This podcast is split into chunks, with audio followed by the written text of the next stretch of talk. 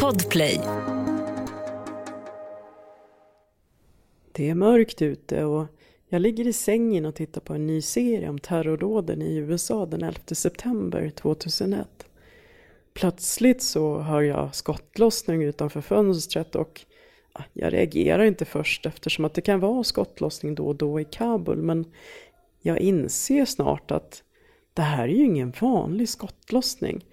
Det bara ökar och ökar i styrka och intensitet så jag går upp ur sängen och går fram till fönstret och öppnar fönstret och lutar mig ut. Och det är då jag ser att flera av mina grannar i husen mitt emot står i sina fönster och skjuter och skjuter. Vad är det som händer? Du lyssnar på Magdas dagbok, en podd från Expressen med mig Magda Gad inifrån krigets Afghanistan.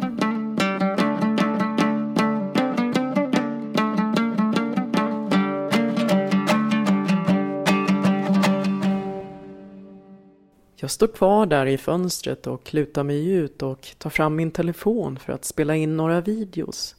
Jag tittar fascinerat på grannarna i husen mitt emot som står där och skjuter och jag inser snart att det är väldigt många människor i hela Kabul som skjuter. Det är Kalashnikov och det är tung kulspruta och det bara ökar och ökar och jag ser sen i natthimlen som är mörk hur kulorna far som röda små skott över himlen. Och sen ser jag också hur de kommer närmare och hur de svischar över taket. Det är då jag får meddelanden från Stephanie, med vän och kollega som kom till Afghanistan för några dagar sedan och som befinner sig längre in i huset och hon frågar vad är det som händer? Det låter som att det är här, här. Och det gör det också. Jag tror ett tag att det faktiskt skjuts i mitt hus. När skottlossningen verkligen kommer nära så stänger jag fönstret och eh, sätter mig ner på golvet och eh, håller sedan överkroppen nere medan jag eh, tar mig längre in i huset och ser till så att det finns eh, två väggar mellan mig och eh, där det skjuts. Helt enkelt ifall en kula skulle gå in genom ytterväggen. Jag sitter där på golvet lutad mot ett element med Stefan bredvid mig och vi söker febrilt efter information om vad det är som händer. Har det blivit ett uppror i staden mot talibaner eller är det interna strider mellan en hårdför och en mer liberal talibangren?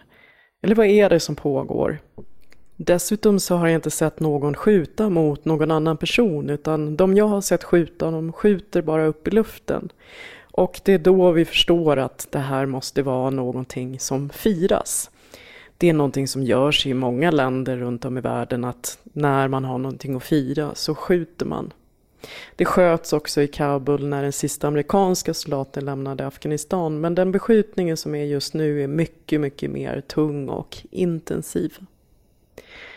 Det är då vi får information från en källa att talibaner har antingen tagit över eller gått in i Panjshirdalen där det sista motståndet mot talibaner finns och att det är därför som talibaner runt om i Kabul firar.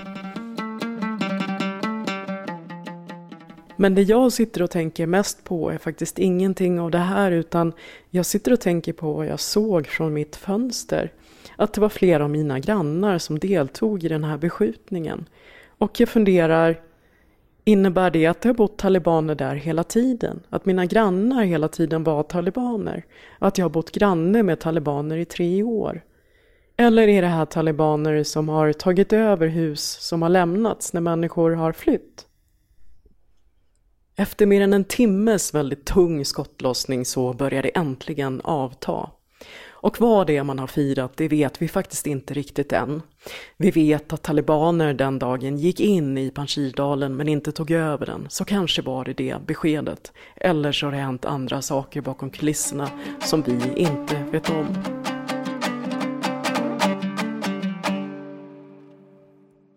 Ny säsong av Robinson på TV4 Play. Hetta, storm, hunger. Det har hela tiden varit en kamp. Nu är det blod och tårar. Fan händer just det. det detta är inte okej. Okay. Robinson 2024, nu fucking kör vi. Streama söndag på TV4 Play. poddtips från Podplay. I podden Något Kaiko garanterar östgötarna Brutti och jag, Davva, dig en stor dos skratt. Där följer jag pladask för köttätandet igen. Man är lite som en jävla vampyr. Man har fått lite blodsmak och då måste man ha mer. Udda spaningar, fängslande anekdoter och en och annan arg rant. Jag måste ha mitt kaffe på morgonen för annars är jag ingen trevlig människa. Då är du ingen trevlig människa, punkt. Något Kaiko, hör du på Podplay. Därför är gardinerna.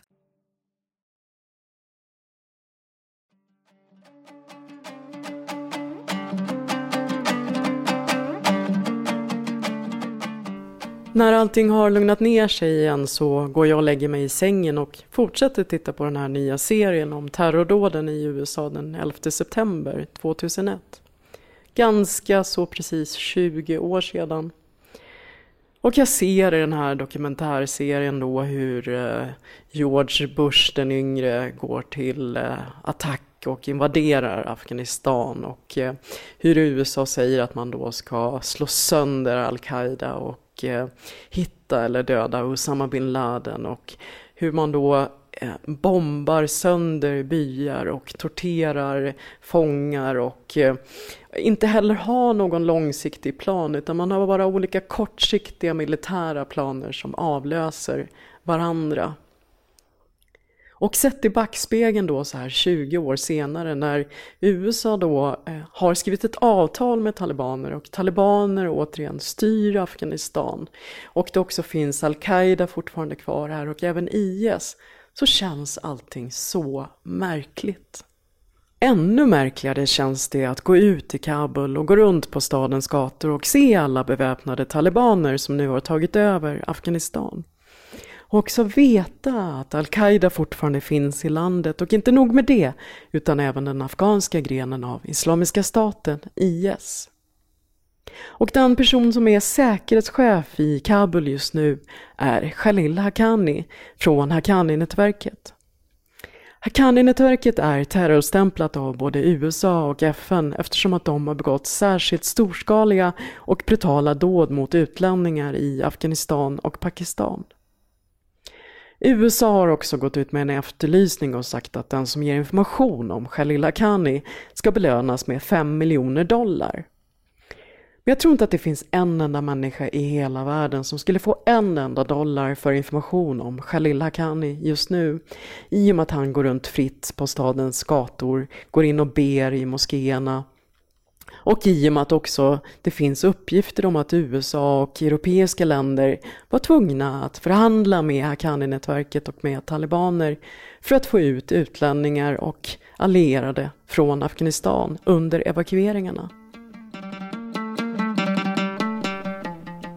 Efter 20 år av krig så går alla de här människorna som USA i alla år har beskrivit som västs absolut värsta fiender runt fritt i Afghanistan. Och inte nog med det. Talibaner har även haft eh, officiellt möte med FNs sändebud.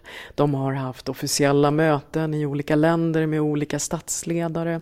Och de ska också bilda en regering där ingen kommer bli förvånad om det sitter minst en Haqqani, någon som har suttit i Guantanamo-fängelset och andra personer som alltid har ansetts vara terrorister. Helt plötsligt är det som att världen inte bryr sig. Och för varje dag som går så förändras Kabul. Staden har blivit tystare, inte bara för att det inte längre spelas musik utan även för att det inte längre hörs några amerikanska helikoptrar och stridsflygplan. Kvinnoansikten som tidigare syntes utanför skönhetssalonger syns inte mera. De har målats över på samma sätt som Islamiska staten målade över ansikten i städer som Mosul och Raqqa. Även all gatukonst i Kabul har målats över och ersatts av vit bakgrund med islamiska verser. Kvinnor och män har separerats i skolor och på arbetsplatser och det står fortfarande inte riktigt klart vilka arbetsplatser som kvinnor kommer att välkomnas tillbaka till och om de kommer att våga gå dit. Samtidigt så finns det människor i Kabul, speciellt män, som tycker att staden har blivit säkrare. De tycker att talibaner har bättre koll på tjuvar och att talibaner är mindre korrupta och de oroar sig inte längre för terrordåd eller att det ska smälla bomber i trafiken, då det var just talibaner som använde sådana metoder mot USA, koalitionen och deras allierade i den tidigare afghanska regeringen. Många vakter och säkerhetskontroller i staden har tagits bort.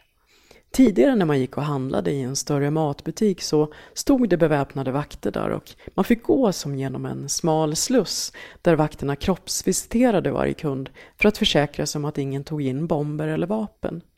Nu är det bara att gå rakt in. Rädslorna idag ligger på en mycket mer vardaglig nivå. Rädslorna handlar om vad händer om jag spelar musik? Rädslorna handlar om vad händer om jag låter mina barn flyga drake? Rädslorna handlar om vad händer om jag går ut i fel kläder? För mig finns det inte längre någon anledning att ta på mig högklackade skor under abajan och gå ut ensam på kvällen. Det finns inte längre några fester att gå till. Musiken och poesin har tystnat och nästan alla som jag känner har flytt. När jag pratar med en vän som numera befinner sig i New York och frågar hur är livet där borta egentligen och kan man vara lycklig i exil? Så svarar han, det är klart att ingen människa kan vara lycklig i exil. Hemma är hemma och mitt hus i Kabul går inte att byta ut. Han sa också att när han går runt på gatorna i New York så ser han att människor fortsätter leva sina liv som om, som om ingenting har hänt och han sa, de skrattar. Och i den här smärtan och sorgen och det här främlingskapet så finns samtidigt insikten om att det där hemmet, det där hemmet som jag älskar, den där trädgården som jag älskar, de där festerna jag brukar ha, den där musiken jag brukade spela, finns inte kvar. Det finns inte längre någonting att återvända till. Och vad är ett hem utan musik? Du har lyssnat på Magdas dagbok en podd från Expressen med mig, Magda Gad, inifrån krigets Afghanistan.